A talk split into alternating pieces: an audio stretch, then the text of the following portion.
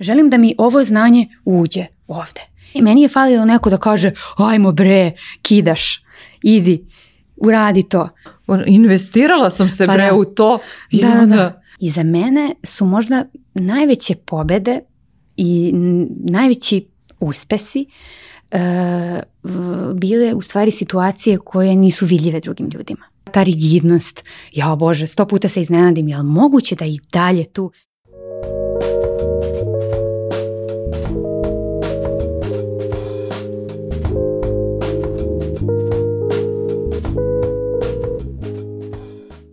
A ako ste do sada ispratili makar jednu epizodu Fusnota podcasta, onda ste primijetili da je učenje u svakoj bilo okosnica, makar i diskretno.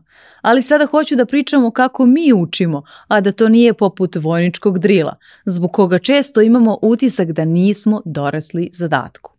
U duhu slogana Grand Cafe, hajde da imamo vremena. Kroz ovaj razgovor želim da vam pokažem da usvajanje novih znanja i veština može da bude podržavajuće i zabavno nalik igri.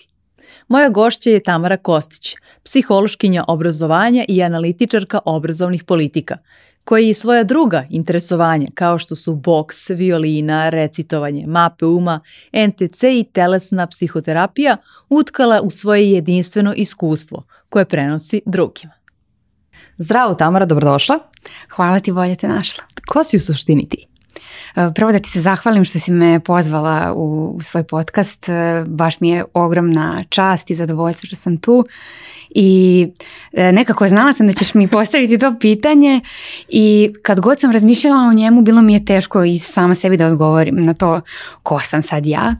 Ali e, možda... Bez onih titula koje smo stekli. Da, da, bez titula, psiholog, ovaj, onaj. pa, znaš kako, ja bih rekla da sam ja u suštini jedna štreberka i u tome štreberka je puno toga sadržano. Nekako e, ja sam osoba koja voli da uči, osoba koja uvijek uvek e, se trudi da pronađe e, možda neko rešenje, koja želi da istraži nešto, da nađe odgovor na pitanje zašto se nešto dešava. I eto, s te strane jesam štreberka, ali u tome je sadržano i možda to da sam nekad malo previše u toj kognici, da sam malo previše u tom štreberskom modu, e, previše u glavi, što bi se mhm. reklo. I to me čini malo ponekad tako rigidnom, e, nastrojenom više ka mišljenju e, i Eto, možda bih rekla... prerazmišljenje. Sviđalo se overthinker je mm, da, ovaj, da. Pre, prerazmišljanje se zapravo na srpskom, na srpski nekako prevedi, zvuči simpatično. da. da. ta, sam, ta sam i e, ranije mi je bilo jako teško to da prihvatim. E, malo sam se borila sa tim da kažem, ma ne, nisam ja, nisam ja rigidna, nisam ja overthinker. Mhm. Ali, ali sad kako prihvatam to, e, pomaže mi da, da nekako to integrišam u sve ono što radim. A takođe, to da sam štreberka je nešto što me prati baš od ranog djetinjstva i puno sam stvarno propatila zbog toga jer su me uvek e, deca u školi e, tako prozivala a štreberka, štreberka, uvek ima nešto da pita, uvek zbog nje sad moramo to i e, puno, puno je stida tu bilo zbog toga što, što sam takva, ali nekako sad e, kada sam prošla e, jedan malo duži put e, i, i edukacije i rada na sebi, sada sa ponosom to mogu da kažem. Da.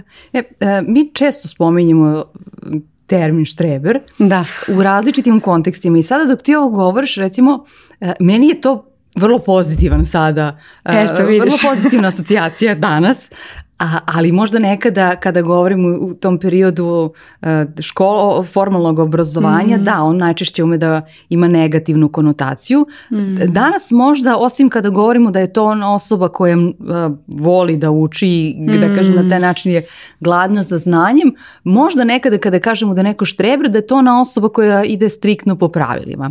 E, uh, ovaj, u periodu osnovne škole je možda više, pa i srednja, ali na osnovne na prvom mjestu, je možda više na tome, to je ona osoba koja baš ide po pravilima. Mhm. Ali na osnovu ovo što si ti meni sada ispričala, eh, ja nekako eh, ne doživljam da je to baš samo to već ako mhm. nešto pitaš, znači da se zanimaš za nešto eh, malo dalje od onoga što si čula od učiteljice, učitelja, nastavnika, mhm. nastavnice ili što si pročitala u samoj knjizi, u učbeniku.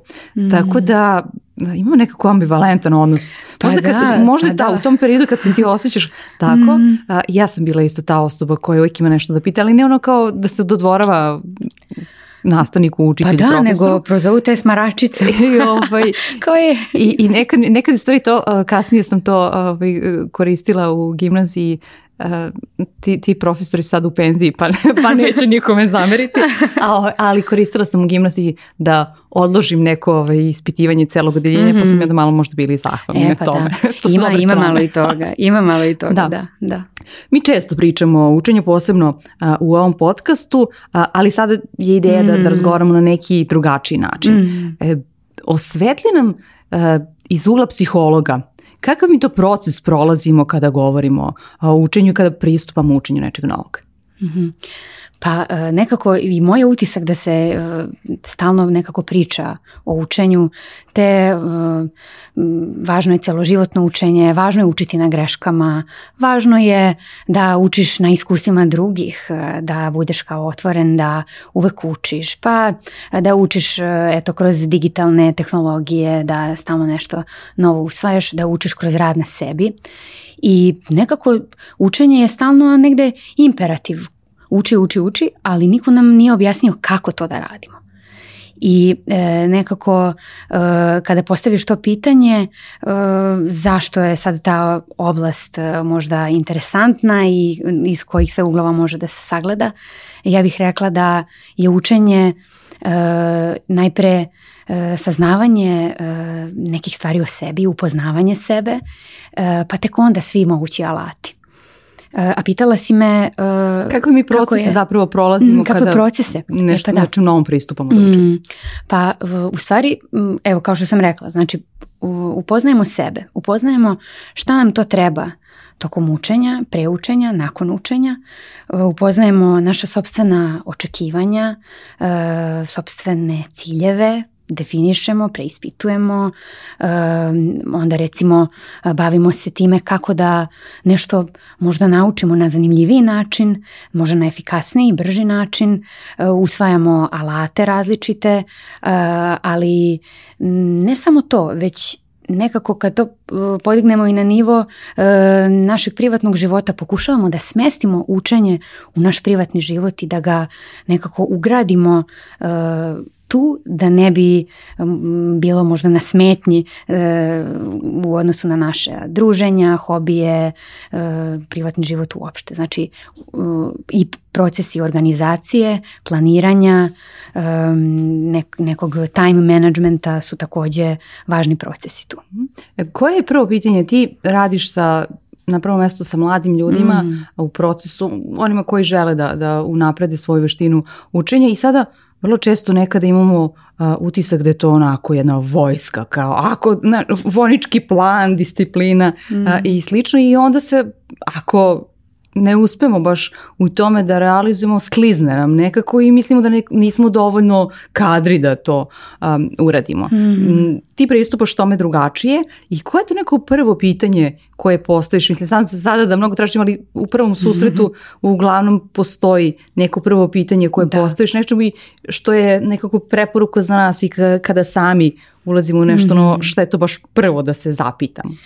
Eh, bez izuzetka eh, svakog studenta, učenika pa i odraslu osobu koja dođe kod mene, eh, pitam kako je tvoje učenje ranije izgledalo. I nekako to se pokazalo kao veoma važno pitanje jer puno toga možemo da saznamo i kada sami sebe čujemo naglas kako pričamo o svom ranijem učenju.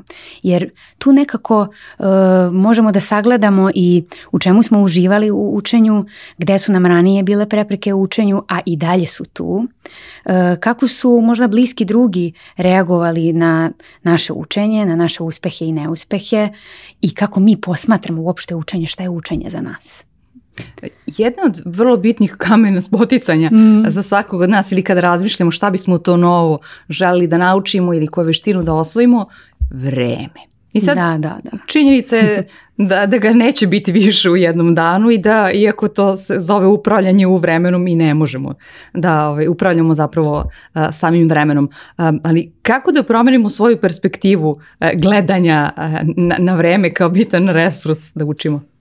E, ja nekako mislim da možemo da upravljamo vremenom e, zato što je e, samim tim što mi nešto učimo ili hoćemo da steknemo neku novu veštinu, neka nova znanja, treba sebe da posmatramo kao aktera, kao aktivnog subjekta koji upravlja tim svim procesima pa uključujući i e, upravljanje vremenom i organizaciju vremena. Nekako, e, baš e, kad si me pitala ovo prethodno pitanje koji su tu sve procesi uključeni u, učenje, nekako uvek se setim, aha pa ljudi dođu i pored svih tih pitanja kako da naučim, kako da savladam brzo, kako da učim na greškama itd. itd. Nekako stavljaju sebe u neku pasivnu ulogu. Želim da mi ovo znanje uđe ovde. Želim da ovo ja naučim, da stavim pod jastuk i da to ja se ujutru probudim i da ja to znam. Je to još uvijek aktualno, da? Uh, pa više u šali, više u šali, ali mislim da... Čekaj, dobro preiznim da si ti to radila, što pa, naravno tako da, da jesam. jedina. naravno da jesam, naravno da jesam, pogotovo sa istorijom, ono, tu sam poprilično ono, srednje žalosna, tako da sam istoriju redovno stavila pod jastuk. Ali e, ono što želim da kažem, e, da malkice očekujemo da sad to nešto se spolja nama desi i da mi sad znamo da učimo i da mi sada smo efikasni i da smo mi sada, mi pamtimo, mi e, zapravo, uloga koju smo sebi dali, kada na taj način posmatramo, je malkice pasivna. Da. A ako malo napravimo korak unazad i vidimo da je naša uloga aktivna, da mi upravljamo i prikupljanjem informacija i e, organizacijom i planiranjem i definisanjem ciljeva i alatima koje koristimo, tehnikama učenja, strategijama. Znači, upravljamo. Mi smo šef. Tako da, apsolutno mi upravljamo vremenom e, kada e, hoćemo da e, smestimo učenje u, u, neki, u neki naš kontekst svakodnevnog života. Naprimjer, ono što je zanimljivo, e, a, pitala si me kad smo se pripremala za ovaj razgovor, da li možeš da daješ što više slikovitih primjera? Evo mogu. E, e, studenti kada dođu kod mene, mi nacrtamo jedan krug i kažemo, hajde, neka učenje bude na posljednjem mestu u okviru tvoja 24 sata i onda ucrtamo u taj krug. Koliko... Jel onda svi, svi roditelji ovaj, mrze zbog toga? ne, naprotiv. u tom naprotiv, trenutku. naprotiv, slušaj. E, e, znači ucrtamo spavanje, ucrtamo pripremu hrane, e, hranjenje, u, ucrtamo u taj, e, taj krug i druženje, i hobije, i treninge. I onda kažemo, ajde vidimo koliko ostane vremena za učenje. I ostane pet sati. Pet sati. Ok, nekom ostane četiri, nekom ostane šest. I onda ljudi pitaju, čoveče, šta ja, šta ja radim pet sati? Ja mislim da ja nemam vremena da učim. I u tom smislu na toj tački kreće upravljanje vremenom. Znaš, ovo pitanje je bilo dosta važno jer e, kada e, dolazi i praktično za svakog mogu gosta koji je bio ovdje i on, kaže, on kad krene da nabraja, a mnogo toga nekad i ne ostane e, nabrojeno iako ja volim da čujem mm -hmm. o njima iz različitih uglova, uvek pitaju kako ta osoba sve... I to je, to je prvo pitanje. mm imam osjećaj da svi koji, ili većina ljudi e, koje sluša e, sada ovaj podcast, upravo to, kao kada bi sedela na mom mestu, prvo kako sve stižeš? Da, da, da. uglavnom ne stižu, ali nekako baš je e, to pitanje vremena svima izuzetno bitno. Kako da imamo zdrav pogled i zdrav odnos prema učenju? To je strašno važno pitanje i ja sam ti beskrajno zahvalna što si mi ga postavila, zato što e, kada posmatramo učenje kao neku tehničku radnju koju mi obavljamo i koju mi treba da izvršimo zarad nekog rezultata, e, diplome, neke ocjene i tako dalje, e, to je malo jedno, kako da kažem, tehničko posmatranje, da kažem sterilno posmatranje. Gde smo mi tu? Gde je, je tu e, naša zabava? Gde je tu naša igra? Gde su tu naše potrebe? Gde je tu naše unutrašnje dete? E, I to su zapravo ta podpitanja koje nam pomažu da odgovorimo na ovo veliko pitanje kako da imamo zdrav odnos prema učenju. Mislim da nekako zdrav odnos prema učenju možemo da imamo e, tek kada sagledamo šta nama treba i šta mi želimo Eh, da ostvarimo, naspram onoga šta se očekuje od nas da ostvarimo. I kad tu malo rasklimamo tu neku eh, eh, bazu nekako na koju smo navikli da od nje krenemo, kao evo od mene se očekuje to, ja sad moram to, pa to, pa to i imam neki sled.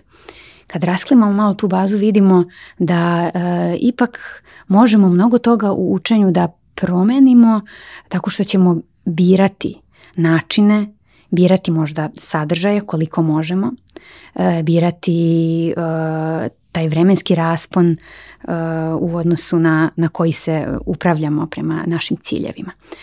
I tu sad mi hiljadu potpitanja ono po, sam za po, po, po, glavi se, se javlja ali E, nekako e, možda, možda je jedno od najvažnijih tu e, tih potpitanja upravo to unutrašnje dete. Mhm.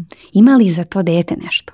Da, ja hoću, e, to mm. hoću da te pitam. Dođe ti neko i kaže, Tamara, bre, treba da naučim ovo ustavno pravo me se unutrašnjeg mm. deteta. Šta ti onda njemu kažeš? Da, da, da. E, pa to se i dešava. E, kod mene i dolazi i odrasli koji se recimo spremaju za pravosudni ispit e, i stariji su od mene, imaju mnogo više životnog iskustva nego ja, ali onda opet posle nekoliko razgovora dođemo do tog unutrašnjeg deteta, iako im je to možda abstraktno na početku.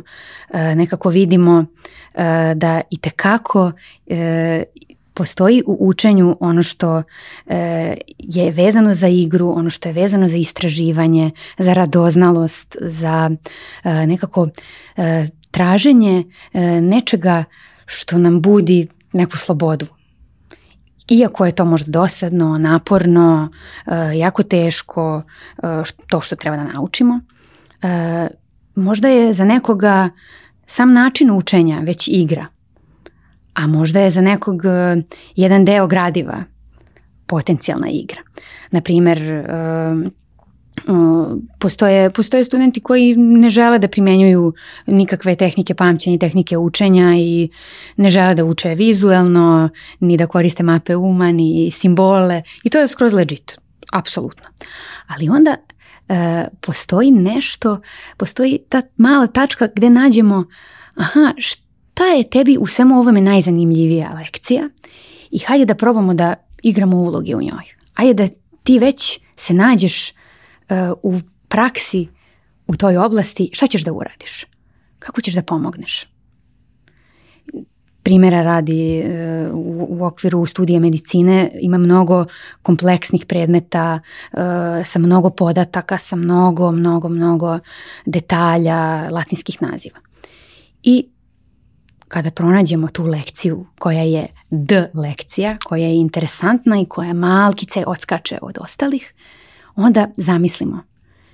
Imaš pacijenta, kako ćeš da pomogneš? I tu se javlja taj moment radoznalosti, taj moment e, nečeg ličnog. Mi najbolje učimo kada postoji element ličnog, e, element igre i element stvaranja. I tu ima još jedan bitan moment. E, napravili smo neku malu uh, pobedu, pokazali smo sebi da mhm. možemo i mhm. onda nekako na krilima toga nam je ostalo što radimo malo lakše, nekako ukopali smo se u rov i ne možemo da se pomerimo mhm. onda odatle.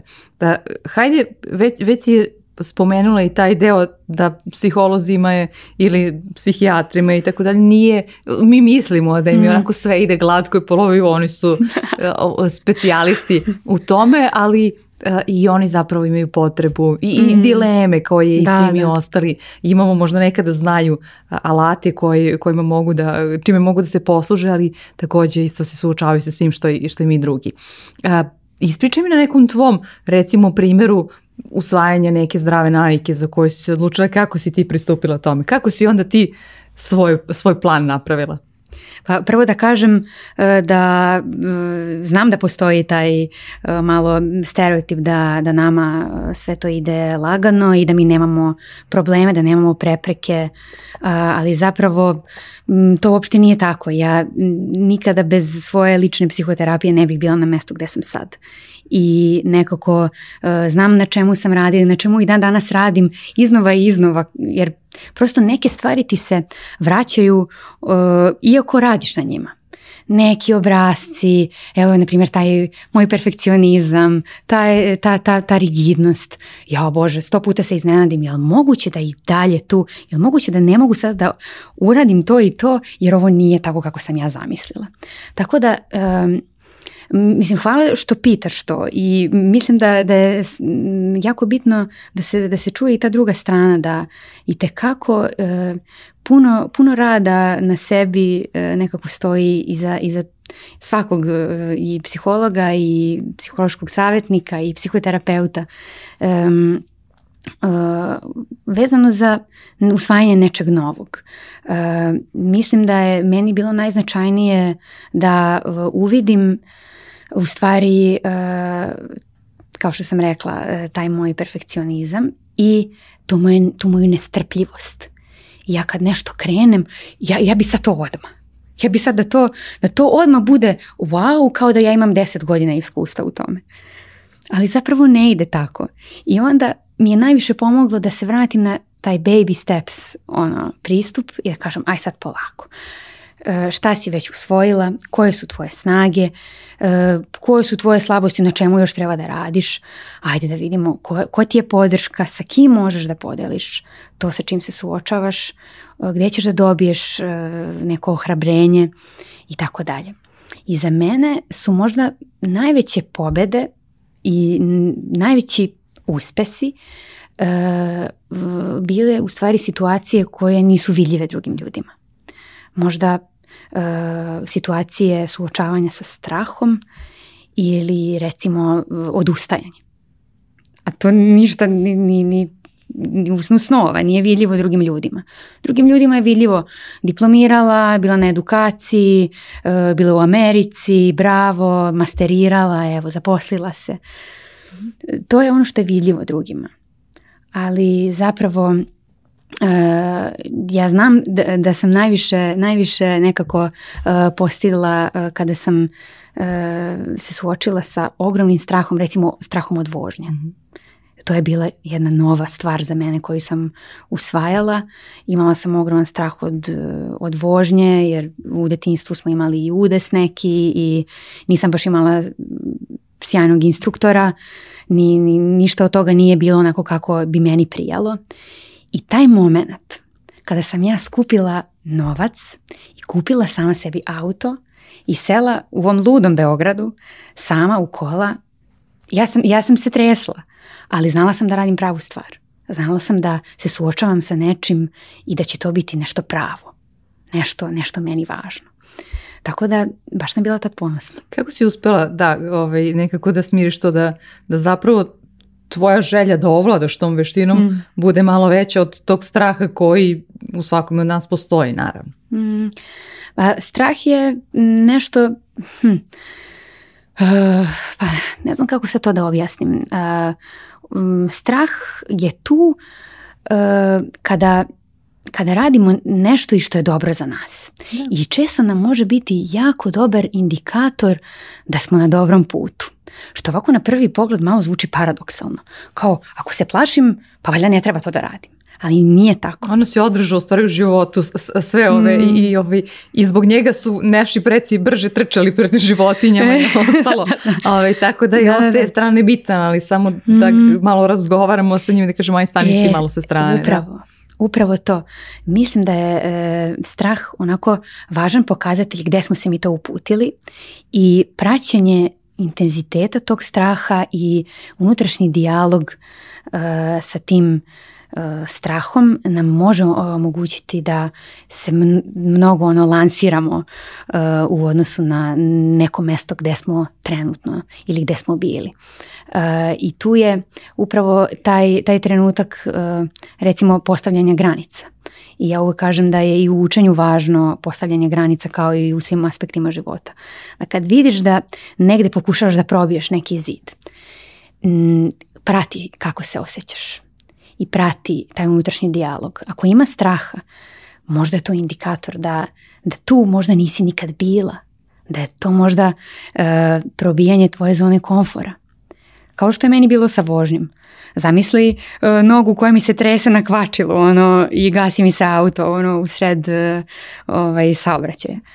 I naravno da, da mi je to bilo kao ja, ja, ja ne smem više ovo ponoviti ali kako sam ponavljala, suočavala sam se sa strahom i e, time, sam, time sam pobedila mhm. na neki način.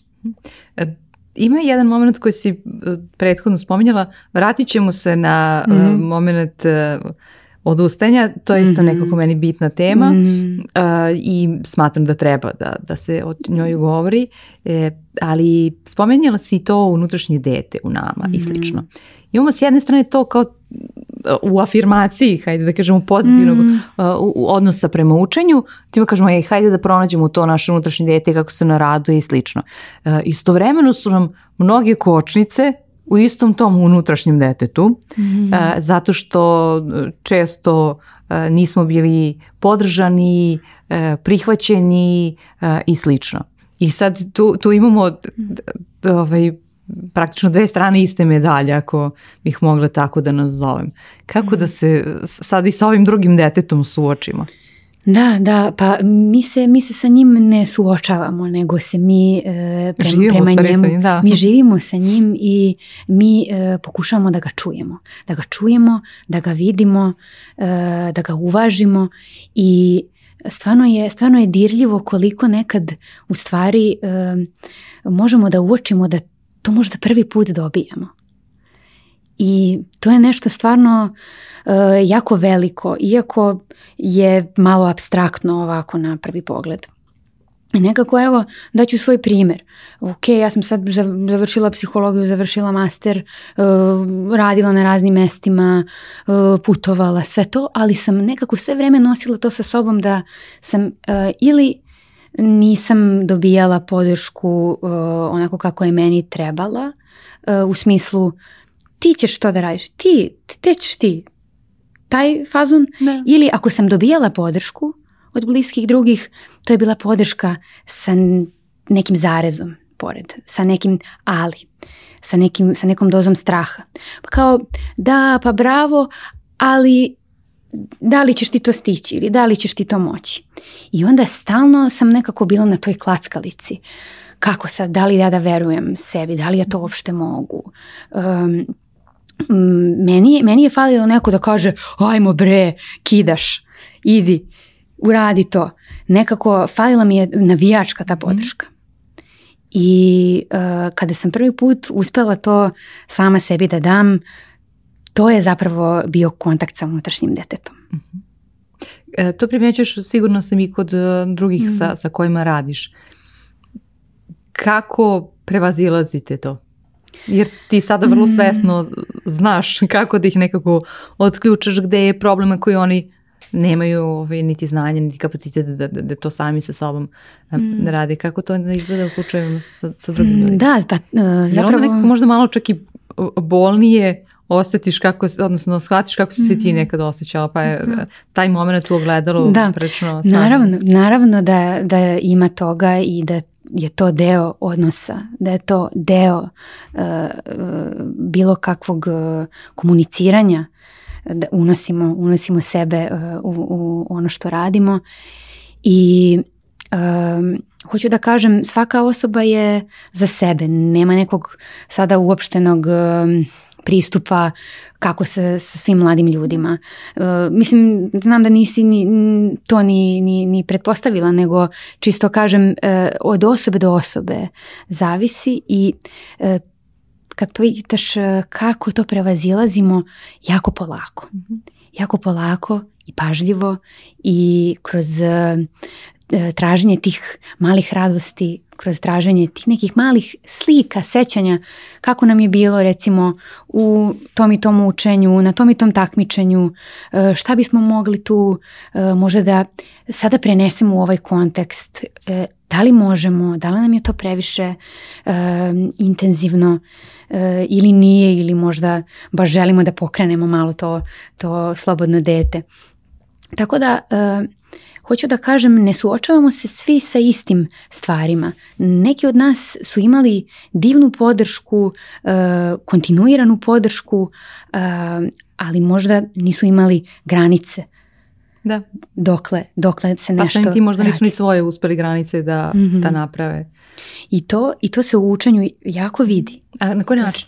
E, pa, na primjer, kroz pitanje discipline i samodiscipline. I nekako e, kad vidimo, ok, ova osoba je nekako baš topla prema sebi i može da prepozna svoje potrebe i to je stvarno divno. To je, to je ogromno bogatstvo, ogromna snaga. A sa druge strane, ono ne može da kaže sebi, e ne, ostavi sad taj telefon i nema više toga, znači sad dva sata učenja pa posle pauza. Ili sat vremena učenja pa pauza pa neka dinamika, nešto. I onda radimo na tome u stvari. E, radimo na tome da jačamo metakognitivne strategije.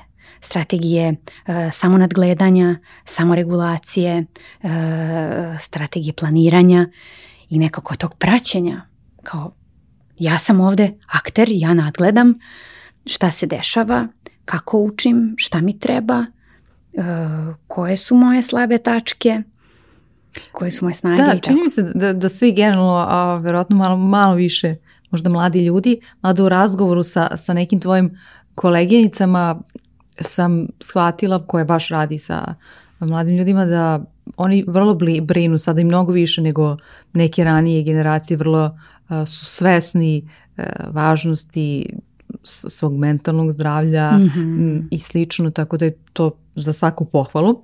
Da. A, ono što je e, u ovom slučaju da bilo moje pitanje da nekako e, ili se podstenimo ili se predstenimo.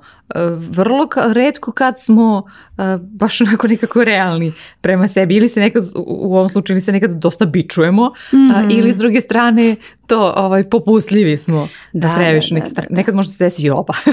pa jeste, zavisi kako u kom aspektu. Da. Nekad ono imamo učenje, imamo posao, pa smo negde ono potpuno dve različite mhm. osobe u te dve stvari, tako da mislim i to je u redu. To je u redu dokle god mi komuniciramo sa sobom, dokle god pratimo uh, uh, recimo tog unutrašnjeg kritičara, pomenula si to samoobičovanje ovaj, u, u žargonu, tako kažemo.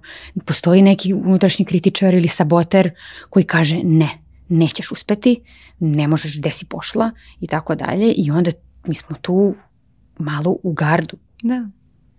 Kad postoji tako jak e, i intenzivan kritičar, mi ne možemo da se opustimo, a kamoli da dođemo do tog da pustimo slobodno dete da, da uđe u naše učenje, da ušeta. Mhm. E, ja sam E, oni koji me malo bolje poznaju žena struktura i eh. jako volim da postoji tu neki sistem i slično. Mm. Tako da sam ti vrlo zahvalna zato što si napravila i planer za učenje. E, šta, šta je tu, hajde kažemo, sadržano? Koje su komponente i da prođemo na taj način koje su nam, su nam bitne da mm. imamo drugačiji pristup učenju? Rekli ih holistički možda, ti si pa okay Da, ok mi je mhm. da, da, kažemo holistički pristup, to mi je mhm. super. E, nekako e, skroz mogu da se povežem sa tim kad kažeš žena struktura, jer nekako i sebe vidim u tom opisu. E, struktura je meni puno pomogla e, da prevaziđem neke teške trenutke za mene i da, da ih preživim i da onda kažem, e ja imam ovo kao neki moj mehanizam koji mi pomaže, ali s druge strane imam i alat. Pa sad, nekad kad previše e, uđem u to da nešto strukturišem preterano, onda malo sebe e, e, nadgledam kroz neku samorefleksiju i to, pa malo popustim. Ali nekad je stvarno koristan alat.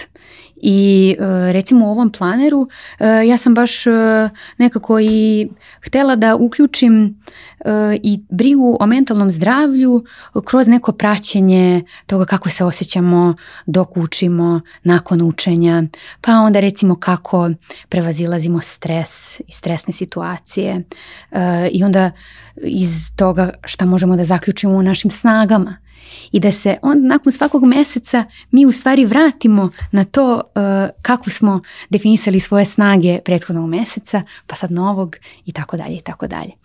A uh, nekako i kad kažeš plan, skoro pa izjednačavamo to s nekom strukturom, jer uh, planiranje i upravljanje vremenom jeste na neki način struktura. Strukturišemo svoj dan, strukturišemo svoje cikluse učenja, strukturišemo recimo ponavljanje pred ispit. Pa onda recimo imamo u planeru taj deo planiranje unazad. I onda tu možemo da kažemo, e, evo struktura, kako da spasiš svoje ponavljanje pred ispit, da ne odeš... Hajde se zadržimo na tome, pošto mm. nekako uh, i to tvoj lični potpis dosta mm. u, u načinu u kojem pristupaš uh, učenju. Pa misliš na planiranje unazad? Tako je. E, jeste i to mi je onako nešto što bih ispričala uvek i svakom. Mislim da ne postoji osoba koja to ne može da primeni. Nekako imam toliko tu strašnu veru da svako to može. E, zato što je to samo jedan drugačiji pristup e, u odnosu na ono što smo do sad sreli, eto planiramo od današnjeg dana pa tamo do nekog dana jednog dana kad je ispit. To je kao ciljeva, kao e, ja sebe vidim na tom cilju, pa e, sad da. I onda idemo od nazad i mhm. gledamo, aha, dobro, šta radim dva dana pred ispit? Pa šta radim onda četiri dana pred ispit? Pa šta radim pet dana? I onda e, kada, kada nekako stavimo e, u taj širi e, kontekst to naše vreme, možemo da sagledamo celu sliku i da budemo realni prema sebi, da kažemo, e, ja ovog dana neću učiti, imam to i to, ovog dana ucrtavam u svoj plan kada imam neke privatne obaveze i onda imam realnu sliku koliko ću ja zapravo učiti. A neće mi stradati ono ponavljanje pred ispit koje je najvažnije za konsolidaciju eh, traga, odnosno onoga što smo učili.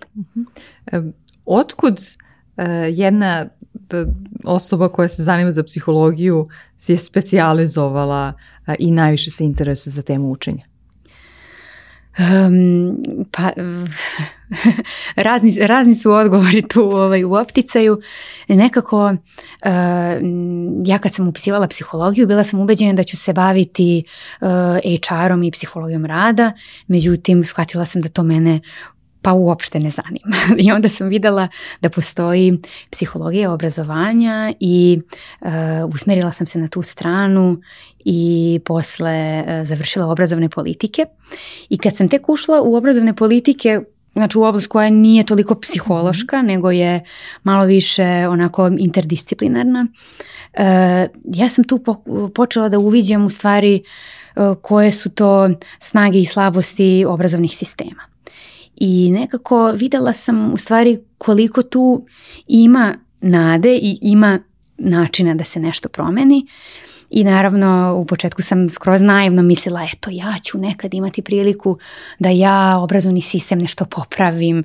Mislim stvarno mi je bilo malo naivno. Uh, ali, Popravljaš ga ali drugačiji način ali, sada. Da, da, sad, sad shvatam u stvari da sam ja na neki način ostvarila to svoje maštanje iako ja nisam u nekim institucijama i nešto. Mislim Pitanje je da li bih sad uopšte to i htela kad je prošlo ovih 5-6 godina od, od te moje želje ali nekako e, shvatam da obrazovni sistem može da se menja u malom, na nekom lokalnom nivou, da kada ja imam 10 studenata ili napravim radionicu za 30 studenata, to je obrazovni sistem u malom.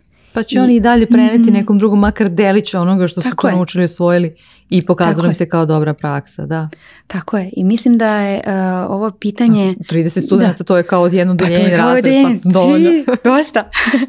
Ove, ovaj, mislim da je stvarno ovo pitanje kako se uči uh, sve aktuelnije i da, e, da ćemo se vraćati na njega i e, narednih godina i narednih decenije jer će nam biti potrebno da napravimo taj korak unazad, taj reverse, da vidimo gde smo i šta smo to propustili, e, koje to rupe imamo, da li možemo mi nekako da E, da to što nismo dobili e, recimo od škole, od e, nekih odrasli koji su bili sa nama, brinuli o nama ili od fakulteta i tako dalje.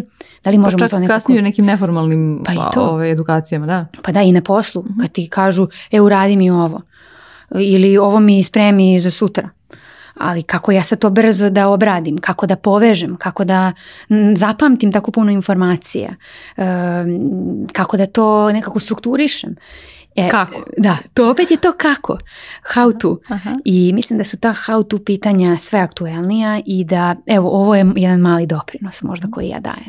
E, ja sam te pitala, meni je ta tema vrlo interesantna o transferu učenja. Mhm do, sada u kontekstu i ovog što si malo pre rekla ima nekako smisla, jer da, kao onda ha sednem, dobro, ovo ne znam, ali da vidim šta mogu iz nekog drugog iskustva da prenesem mhm. e, ovdje ili način na koji sam nešto savladala ili savladala, kako mogu to u ovom mm. slučaju da potrebim.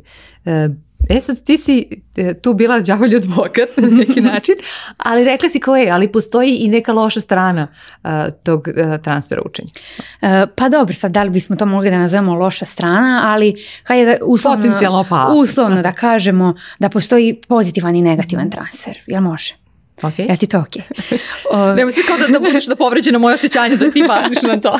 Ovaj, pa nekako e, uvek, uvek e, sam svesna toga da postoji puno nekih klasifikacija i da ih, da ih ja možda ne znam na taj način, ali ajmo za potrebe ovoga da kažemo pozitivan i mhm. negativan transfer. Pozitivan transfer bi bio e, na primjer kada smo učili latinski u školi i sad se mnogo bolje snalazimo sa italijanskim, francuskim i tako dalje. To je pozitivan transfer. I to znači da ono što iz prethodnih iskustava, iz prethodnog učenja mi možemo da prenesemo u neki novi kontekst. I to je cool. Međutim, postoji i taj neki, uslovno rečeno, negativni transfer gde se mi zaletimo da primenimo nešto od pre, ali to ne radi to, to ne radi i možda zapravo treba da se malo više otvorimo za tu netransferabilnost, ako bih mogla tako da je mhm. nazovem.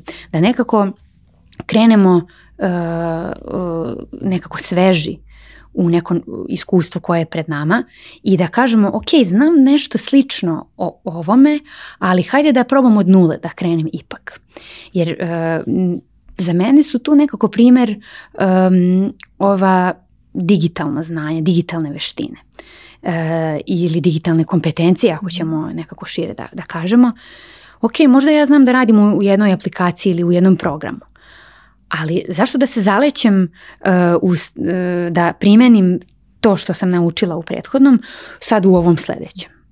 Kada je to može skroz nešto novo, pogotovo recimo kada su u pitanju digitalne tehnologije, mhm. e, tu se toliko brzo menjaju stvari i tu ima mnogo neočekivanih ona situacija da neki program uopšte ne radi e, na sličan način kao ovaj neki koji smo prethodno savladali, koji je nama bio prethodna stepenica. Da, viš, hvala ti na ovome zato što ja ni nisam tu stavljala znak jednakosti. U mhm. kom smislu?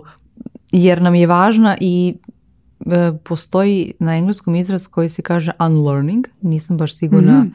Mhm. E, kako je, je kako bi se adekvatno prevelo a to na srpski jezik da ne bude odučiti. Jer malo... pa, pa dobro, kažemo i mi često u govoru da odučimo nešto što pa smo pa, naučili. Da, da. sad čak nije ni kao da zaboravimo, da poništimo da, da, možda, ali tako nešto. Srodno... Mm, ja sam sretala taj izraz, odučiti nešto. Šta je, šta je u kontekstu, shvatimo kontekst mm. toga. Dakle, da bismo upravo ušli sveži u nešto i mm-hmm. to je također dragoceno. Nedavno smo imali situaciju E, u porodici postoje neke e, magnetne pločice koje se mhm. spajaju. E, u tom trenutku moja čerka ima manje od dve godine mi donosimo to i sad ja imam neko drugačije iskustvo kocki. Ona nema. Mhm. Ona je to rešila za čas, shvatila je jer ja sam imala kao neki pattern prethodno mhm. ponašanje i očekivanja prema tome. Uh, ono je to kao za čas i bolje to sklopila i prirodnije to išli tako da da. To je dragoceno ali kao ja, ja nisam, uh, nisam uopšte razmatrala i to se i podrazumeva, mislim tako da nisam razmatrala e, odnosno ti, si to uzela kao negativnu stranu tog e, transfera učenja, da sada kada tako predstaviš jeste, ali ja sam samo videla onu kao ovaj, dobru stranu toga kako može da nas ubrza da brže dođemo do nečeg mhm. novog i nekog novog procesa, a ovo stavljamo na neku drugu stranu i takođe vrlo bitnu u vremenu koje živimo i e, u godinama e, koje dolaze da upravo se prema nečemu ponašamo, da kažem kao da je, odnosno ponovo učimo mhm. ovaj, o nečemu i otvorenog smo uma da vidimo što to može da nam pruži. Upravo to, pa e, transfer učenja je strašno važna stvar i bez transfera e, ne bismo preživeli, ne bismo mogli da nakačimo nove veštine, nove kontekstualne okvere u kojima učimo, da nije tog pozitivnog transfera gde mi možemo da primenimo, da prenesemo ovaj, iz jednog konteksta u drugi. E, ali eto, ovo što si opisala u vezi sa decom, to je to. Znači, e, e, kad kažem da se otvorimo, da, da, da pristupimo nečemu sveži, Upravo mislim to, da pristupimo sa malo više radoznalosti, da pristupimo malo više dečije, jer e, deca uče naj, na neki najlakši način u, odnosu na sva ono, ljudska bića, zato što su otvorenog uma, sveži, e, pristupaju e, da vidim svim čulima, da osjetim šta je ovo novo što je predamnom e, i, i mislim da je to to. Kako ti e, pošto smo dosta se dotakli tog, tog dečeg i ostalo, e, a svima nam znači, e, kako ti dodatno postaviti li e, kao priđi tome otvorenog uma u kontekstu ovoga što smo pričale sad. To, to uopšte nije lako mhm. i e, ja priznam da je mnogo lakše pričati o tome iz nekog ličnog iskustva, e, znajući sve te scene i e, situacije kada sam ja tako pristupila i mnogo je lakše pričati na taj način nego druge voditi kroz to. ja mislim da je to proces i kao što sam malo pre rekla, tome se pristupa jako pažljivo i polako. Kroz to da se pita čitamo zajedno e, kroz naravno razmenu i podršku e, šta je ono što e, je tebi zanimljivo, šta je ono što se ti sećaš kao prijatnog iskustva, učenja ili sticanja neke nove veštine, šta, šta govoriš sebi ili šta su ti tada govorili kada ti je bilo prijatno, da li možeš sada sebi to da kažeš? I to je, to je stvarno jako, jako dirljiv trenutak kada se vratimo na mesto gde smo mali, ali nam je prijatno. Mhm. I mislim da tada počinje da, da buja i mašta i, i motivacija naravno. E, da zaokružimo priču u vezi sa, sa planerom na mhm. ovaj način. E, odlučile smo da, odnosno ti si e, odlučila da jedan primjerak e, tvog planera poklonimo nekome ko sluša ovaj naš razgovor na YouTube-u mhm. i dogovorile smo se da to bude da postaknemo, odnosno da podržimo u stvari u učenju nečeg novog, sticanju nekog novog znanja ili veštine. Tako da će detaljnije e, u opisu na YouTube kanalu ispod ove e, epizode o čemu se radi. Ja ću se pozvati e, na i ostavit link također tvog Instagram profila Učenje za tebe, ali zadatak ljudi koji žele u ovom trenutku da osvoje tvoj planer e, je da nam napišu u komentarima e, na čemu to novom žele da rade, odnosno koja je to naredna veština ili znanje koje žele da osvoje i onda ćemo da vidimo koji će nas odgovor nas dve najviše inspirisati i gdje mislimo da bi ovaj planer baš onako dobrodošao mm. da bude vetar u leđa tome. E, ti si istovremeno kroz ovaj planer imala dodatni izazov, odnosno ovaj, ti sad ulaziš u jednu preduzetničku priču, odnosno ušla mhm. si, E, I kako to izgleda? Jer jedno je kada e, ti imaš e, radionice, kada prodeš na, na neki način neku uslugu, mm. a proizvod je dosta drugačiji. Da. Apsolutno Jer usluga se nekako to. lakše testira, da, nema da. toliko E, inicijalno ulaganja tvog, pogotovo ako se radi online i slično, mm. uloži se vreme, ne i novac, a, ali ovdje treba neki novac da se uloži a i slično, pa onda pratiš, Sve. ti da, si da, odštampala neko, ne, neku količinu planera, pa onda testiraš ipak i dalje, mm. nastavljaš da testiraš e, pa nešto shvatiš da nije ok. I naravno, tako dalje, naravno i to je sve deo puta nekako ono što je meni najviše pomoglo e, da da nastavim u, tim vodama jeste da ne pristupam iz ugla e, te nestrpljivosti svoje i, i te, te kontrole, sad ovo će biti tako, tako, tako, tim i tim koracima, tim i tim sledom, nego da malo se igram, da malo pustim to kao, ajde, nema veze, probamo, vidimo, e, evo ovo, ovo je super, ali možda ovaj deo bi mogao e, da bude drugačiji ok, nema, nema stikera na kraju za lepljanje, bit će, bit će sljedeće godine e, i tako nekako da, da malo e, više iz, radoznalosti i igre stvarno prilazim tome. To, to mi je najviše pomoglo, ali imala sam stvarno trenutke kad sam tako ovaj, bila ne baš podržavajuća prema sebi.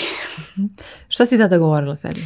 Pa eto, da li će ovo uspeti, ma kao e, ovo može neće ići. E, malo sam bila malodušna mhm, onako mhm. i ne ponosim se baš na to, ali kako da kažem... Ne mislim sam kao u onom trenutku da prevaziđeš na, Da, da, da, ali, na, ali na svu sreću uspevala, sam da to e, prevaziđem time što kažem sebi, e pa kao pogledaj koje su dobre strane, pogledaj šta si sve do sada uradila, ili recimo e, to da se vratim na igru, da kažem aha šta ovdje ima zabavno. Mhm. Zapravo to pitanje šta ovdje ima zabavno je mnogo intenzivnije nego što izgleda. Nisam probala, moram da priznam. Ali... da, da, da. Kad nam je teško da prosto pozovemo da li, da li je u ome nešto zabavno, da li je ovo na neki način možda poziv da uradim nešto novo. Da li je ovo poziv da sad budem kreativnija pa da izađem. Da probam nešto drugačije, da, da. drugačiji način a, da to nije da. uvek lako. Mhm. To nije uvek lako. Nekad kad smo potpuno očajni ili ne verujemo u sebe, e, nije uvek lako setiti se toga. Da, imamo nekako u tom momentu onako suženo stanje svijesti. Ovaj, teško nam je mm. da, da vidimo malo izvan toga kao pa mislila sam da je ovo tako dobro rješenje e, mhm. i onda se shvati da nije. E pa da. E, ali onda kao, jel imam ja neko drugo rješenje, kao toliko sam uložila da, da, da, da, vremena, ne, čak i sad ako sam novac mm-hmm. stavimo nekog postane kao ono, investirala sam se pa bre u to da, Da, da, da. E pa tu se vraćamo na temu odustajanja. mm I zapravo odustajanje je lekovito. Da nekad uprkos e, tome da, kako kažem, možda smo učeni da je odustanje neuspeh, evo ja jesam, ovaj, da, da to ne smemo sebi da dozvolimo, da e, time nismo pokazali istrajnost, doslednost i tako dalje. Mislim da to nije baš e, nešto sa, čim treba da idemo kroz život. I za mene je zapravo jedna od najvećih pobeda, kao što sam pomenula malo pre i ono suočavanje sa strahovima, e, je i odustajanje. Mhm. Da kažem sebi pa u redu je. E, a kada je, e, sad ću ja da budem malo djavolji mhm. advokat, elem, uvek me taj moment mhm. nekako brine da ja sam saglasna sa tim, mm u redu je da odustaneš, ali kako nekako da proceniš, znaš, da li ti nisi ta osoba mhm. leptirić, hajde da, da to tako kažemo, koja će sve da opravda time u redu je, ono, čula sam Aleksandra i Tamara kažu u redu je da odustanem, čao. E, već da budeš onako sam ono kao, e, probala sam sve ili ovo i ovo, nismo par više, ne, ne vidim se i kako, mhm. da nekako budeš svesna, svestan da jesi nešto uradio, probao, ovaj, pa tek onda ne e, neće da se igraju sa mnom u parkiću, idem ja, čao, čao. Da, da, da. E, potpuno je na mestu pitanje i nekako nije lako sad proceniti e, da li mi odustajemo e, zato što, ne znam, durimo se pa kao neću ja više ili ide nam teško pa odustanemo mhm.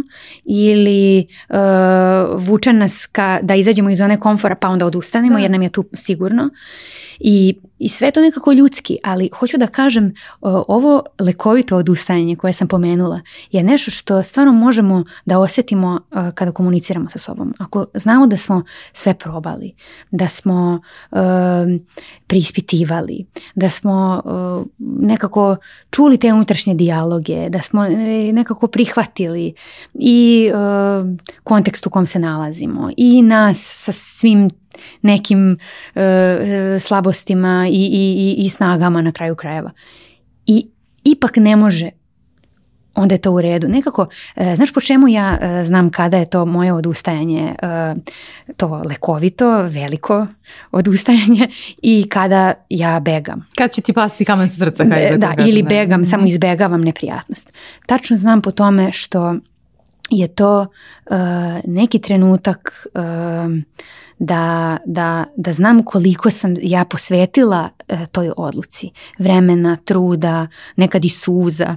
I da znam da sam, da sam pokušavala, da sam primenjivala e, razne, e, razne načine i prosto, prosto nije išlo i, i, i prosto nekad je, nekad je zašto kažem da, da to može biti i uspeh? Nekad nas to odvede na neki potpuno novi put i to je strava, to je super.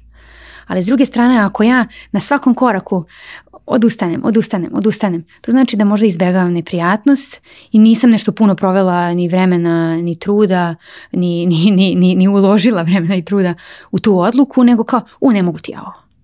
E, ali onda dolazimo, e, suočavamo se nekada sa jednom situacijom, ako odustanemo od fakulteta, na primjer, pred mhm. kraj, ko sam ja bez toga? Mm-hmm. To je baš ogromno. Ako, ako odustanemo od, i mm-hmm. pričamo če, nekada ovaj, sa mojim gostima pričamo o potpunim tranzicijama u karijeri i slično. ako odustanem ja od toga, ko sam ja bez toga? Ovaj, I onda se nekako te naše ljušture malo što je, jeste možda negde na kraju balade, jeste lekovito, ali ti dok mhm. dođeš do toga, dok dođeš do toga se potrošiš. Da, da, da, mhm. da, da. E, mislim da je u vezi sa ovom temom jako važno e, kako komuniciramo sa sobom i da e, nekako ok, ako, ako, ako sebe stalno pitamo, ako stalno čekiramo sa sobom e, šta mi sada treba, šta ću ovim postići, e, da li ja ovo želim ili se to od mene očekuje. E, ili ispunjavam, tuđe, želje, Nekako, dokle god je tog dijaloga, mi smo na dobrom putu. Iako nam nije uvek prijatno. Nekad prosto treba da doneseš neku odluku i preplačeš ono na sav glas, ali opet znaš da, da je to možda dobra odluka. I e, hoću da kažem da eto upravo to osvrtanje na, na potrebe, na osjećanje, na to kako smo e, može da nam da neki, neki, neki putokaz. I e, primjera, primjer koji si dala bukvalno jeste, e, susrećem se sa studentima koji napuštaju fakultet, ali iako možda nemaju podršku ono cele porodice za, za to, e, oni su e, prethodno izgradili tu unutrašnju podršku pa to mogu da urade. Mislim da je, da je tu ta neka tačka od koje može da se krene u ovoj temi. Često kada govorimo u kontekstu učenja, spominjemo tu unutrašnju i spoljašnju motivaciju, spoljnu mm-hmm. motivaciju e, i neretko smo, ako govorimo o formalnom obrazovanju, neretko smo suočeni sa tom e, spoljnom motivacijom i kao ono, da, dobitkom i tako dalje. Dešava nam se to i u odraslim mm godinama, jeli?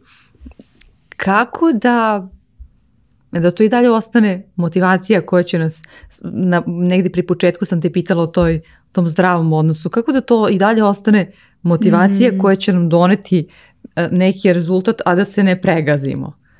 Da, ne kažem da se ni mm. ne spalimo sami sa sobom. Razumeš šta da, hoću da kažem, da, malo grubo, ali... Ne, ne, meni, meni zvučalo super jer to jeste realna priča, realna slika, ono, da se, da se samo spalimo, da držimo burnout ili kako god želiš.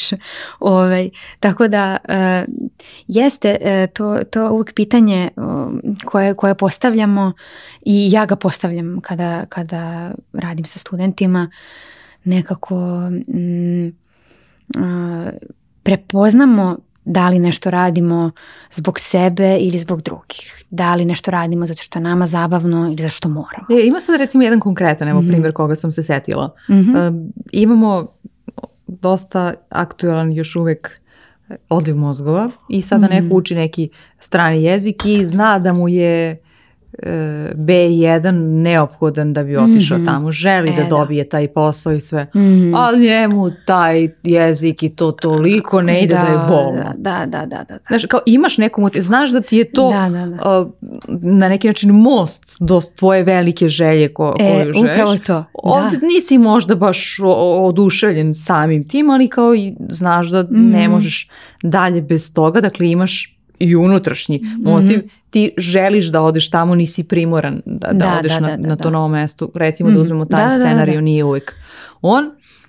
ali ne ide ti da učiš to. Mhm. Kako u toj situaciji da se postavimo? E, ali zamisli e, da je e, recimo to polaganje jezika bilo želja nekog drugog, bez da imamo taj nastavak. To da se ide negde za potrebe školovanja posla ili što god.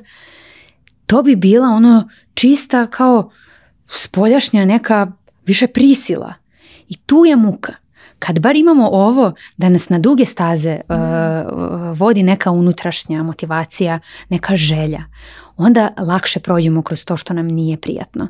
I nekako taj, eh, ako, ako je taj čin učenja recimo stranog jezika, eh, korak do nečega što nam na duge staze daje unutrašnju motivaciju, mi ćemo lakše proći kroz to. E, naravno, naravno da nije nigde, kako kažem, idealno. Nisu idealni uslovi da svuda samo obožavamo svaki predmet na fakultetu, da obožavamo sve što nam traže na poslu, na primjer, da naučimo, da savladamo.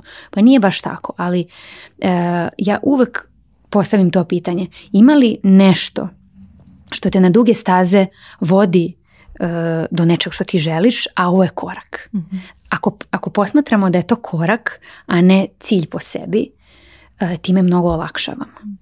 I onda vidimo, aha, pa dobro, ne volim baš ova dva predmeta, imam recimo dva ispita do kraja i kao, ali to će mi dati diplomu i zaposlit ću se tamo gde ja želim.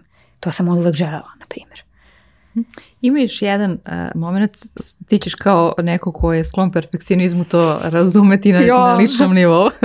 Neće mu biti teško pitanje ka tebi. Elem, e, dešava se E, da e, mi sada svi kada krenemo da učimo nešto i možda nas, e, ali ovdje više govorimo o onim o neformalnom obrazovanju, mm ne toliko mhm. u okviru studije ili škole, srednje, osnovne, već kažem neformalno obrazovanje i onda znamo da nam je usput potreban neki alat. Tebi je recimo u slučaju E, tvog preduzetničkog e, poduhvata, učenje za tebe, potrebno da znaš i digitalni marketing.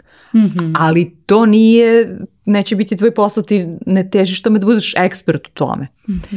I sad, kako ti recimo pristupaš tome, ok, me, kada si postavljala sebi, e, ako jesi tako pristupila, ako nisi, zašto nisi?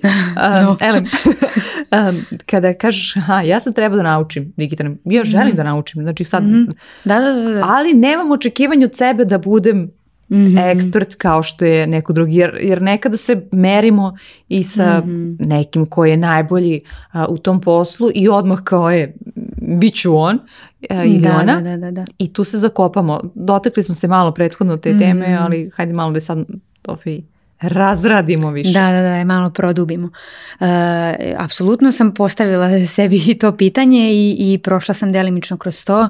Gledala sam gde mogu da se edukujem, da li da odem na neke kurseve, da li da učim na internetu i tako dalje. E, naravno, nije tu bio samo digitalni marketing, tu je i dizajn, tu je i uopšte kom, komunikacione veštine različite, e, ne znam, content writing, šta god. On, puno pa i puno pa da, I, i to e, dobrim delom.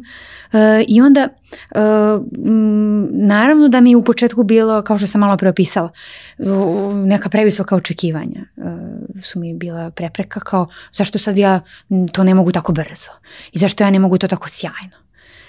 I, i onda malo kad sam spustila loptu, onda sam prosto se sa sobom dogovorila. Ja ću da idem polako, korak po korak, godina po godina. Znam... Kako tu sebi postavljaš plan onda? Mhm. I očekivanje. Pa upravo mislim da je to pitanje granica. To je pitanje granica zato što e, iz te komunikacije sa sobom šta mi treba, gde sam pošla, šta želim, šta ja to radim, e, postavljamo i tu granicu dokle ja hoću da razvijem to. Ja hoću da ostanem i dalje e, psihološkinja i dalje hoću da se bavim psihološkom podrškom i savjetovanjem. Neću da budem ekspertkinja u digitalnom marketingu, ali to je za mene alat. I ja mogu da neke alate sebi pripremim i e, uvek e, koristim tu, tu metaforu kao da imam neka oružje ono pored zida i sad kad ću, kad ću luk i strelu, kad ću ovo, ono i kad mi treba ja ću da upotrebim za ono što mene vodi do mog nekog dugoročnog cilja i do ostvarenja moje želje. Tako da mislim da je e, i, i u poslu i u učenju i u savladavanju novih e, veština nekako važno da imamo tu granicu, da kažemo ok, e, šta ja želim od ovoga? Da li želim da ja ovo ono, doktoriram ili želim da prođem samo? Ili želim da mi to bude alat pa kad bude prilike da ga zamenim možda nekim drugim? E, imam još jedno pitanje koje je van e, ovoga, ali nekako je integralni deo tebe, hmm. e, a to je E, skoro si objavila na Facebooku tvoju sliku kao tebe kao bokserke. E, da. I sada kažeš ti kao ja, ja ne vidim da su to neke dve osobe.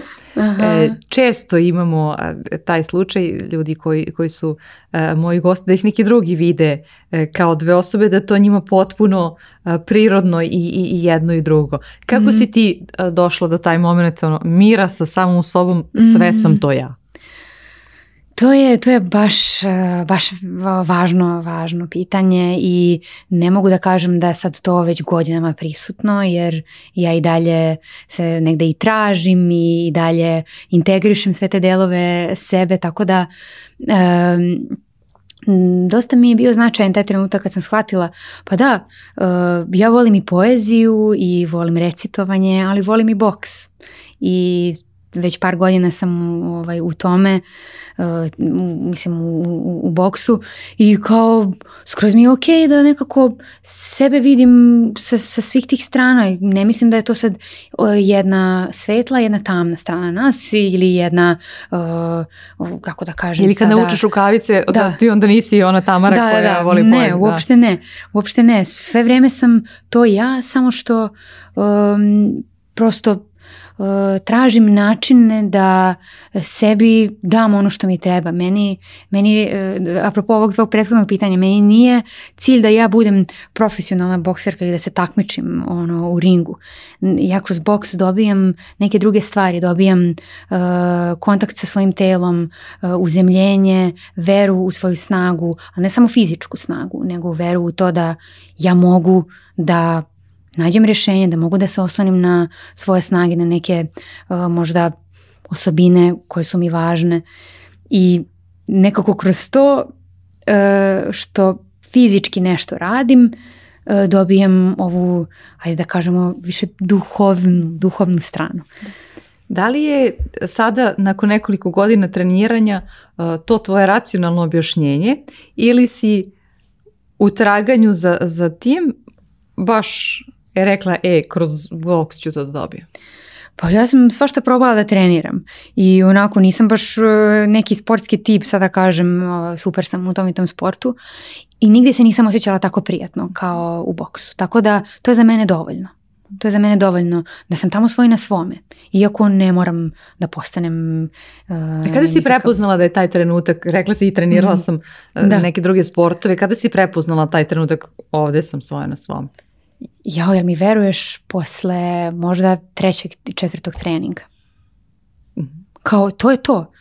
To je to, ja, ja, ovo sam ja. Definitivno. A kako si uopšte e, se odlučila da, da i to probaš? Pa nekako... Jer vjerojatno nije bi još bilo možda na spisku od prvih mm, deset. Da, da, pa nisam nikad pravila spiskove toga šta ću da treniram, gdje ću da probam. ok, bila mi je značajna fizička aktivnost e, i bilo mi je značajno to recimo da e, pomenula sam na početku taj štreberski mod i kogniciju i, i bivanje u glavi bilo mi je značajno da nekako e, probam da se vratim u telo i kroz sport e, ne samo kroz recimo telesnu psihoterapiju ovaj, na koju sam išla i za koju sam se edukovala znači telesna svesnost mi je važna ali možemo na razne načine da je, da je ostvarimo nekako. Tu sam dobila to, to što, mi je, što mi je značilo po pitanju sta, ajde stabilnosti, možda bi to bila Sa kakvim očekivanjima reč. si? To je isto bilo jedno od mojih ovaj, mm pitanja u smislu kao e, znala si razlog zašto želiš da treniraš neki sport koji je mm. god on bio, pa sad sistemom uh, e, pokušaja i pogreške da. došla si da. Uh, do, uh, do boks, dala si priliku i nečem drugom, ali si onda odlučila da daš priliku i boksu. E, meni sad taj moment baš vidim kao kako nešto što nam ni na prvu, ni na drugu, ni na mm. treću možda ne bi palo na pamet, ipak mu damo priliku. Pa e, iskreno mislim da je baš u tome mhm. e, e, i for da damo nečemu priliku, a možda čak da damo sebi i dozvolu da radimo nešto što nismo mogli da zamislimo nikad, nikad pre. I da radimo nešto i da probamo nešto u čemu nas možda drugi ljudi uopšte nisu zamišljali. Tako da to je za mene e, bilo i svojevrsno davanje dozvole sebi. I kad sam vidjela da mi u tome lagodno, i u meni bilo to mm. super. Mm. E, bez, pitanje za kraj, bez koga ne može da prođe Aha. ovaj razgovor, a to je bez kog znanja ili veštine e, ti ne bi bila ova Tamara sa kom ja danas razgovaram i šta je to načinilo baš veliku razliku u tvom dosadašnjem životu? Mm. Pa rekla bih e, bez e, bez celog iskustva psihoterapije. To sad nisu nekako ni samo znanja, ni samo veštine i nekako su i stavovi i, i stil života E, ne bih, ne bih bila na ovom mestu bez toga zato što sam tu naučila kako da komuniciram sa sobom, e, kako da, da budem blagonaklona prema sebi, e, kako da ono što Eh, sam ranije smatrala nekim obrazcima koji me nerviraju i koji mi tako idu na živce, da nekako da, da njih posmetam kao vitalne i da im se poklonim u stvari. Tako da, eto, delimično je i, i ta telesna svesnost iz, iz te priče, ono, da budem sa sobom tu, da eh, budem uzemljena, da, da budem u kontaktu sa sobom a ne samo u glavi tralala misli, misli, misli. Jer naše telo jako reflektuje, kako god, mm. koliko god bili poker face, naše telo jako reflektuje sve što se dešava u našoj glavi. Da. Hvala ti na ovom razgovoru i da, još jednom podsjetimo eh, da ko želi da, da osvoje ovaj mm. kao podršku u eh, novim učenjima, da, uh, ostavi ovaj komentar ili direktno mhm. ako gleda kasnije pa ne uspije to, ovaj, naravno da posjeti ja ću se opet vratiti na, na tvoju Instagram stranicu Učenje za tebe pa mm. e, može tamo da, da sazna i neke detalje. Još jednom je. ti veliko hvala. Evo, ovaj, ja hvala se čitanju stvari tih komentara jer uvijek ja isto. šta, šta ja neko isto. Baš jedva čekam. Da? Hvala ti što si me pozvala. Da.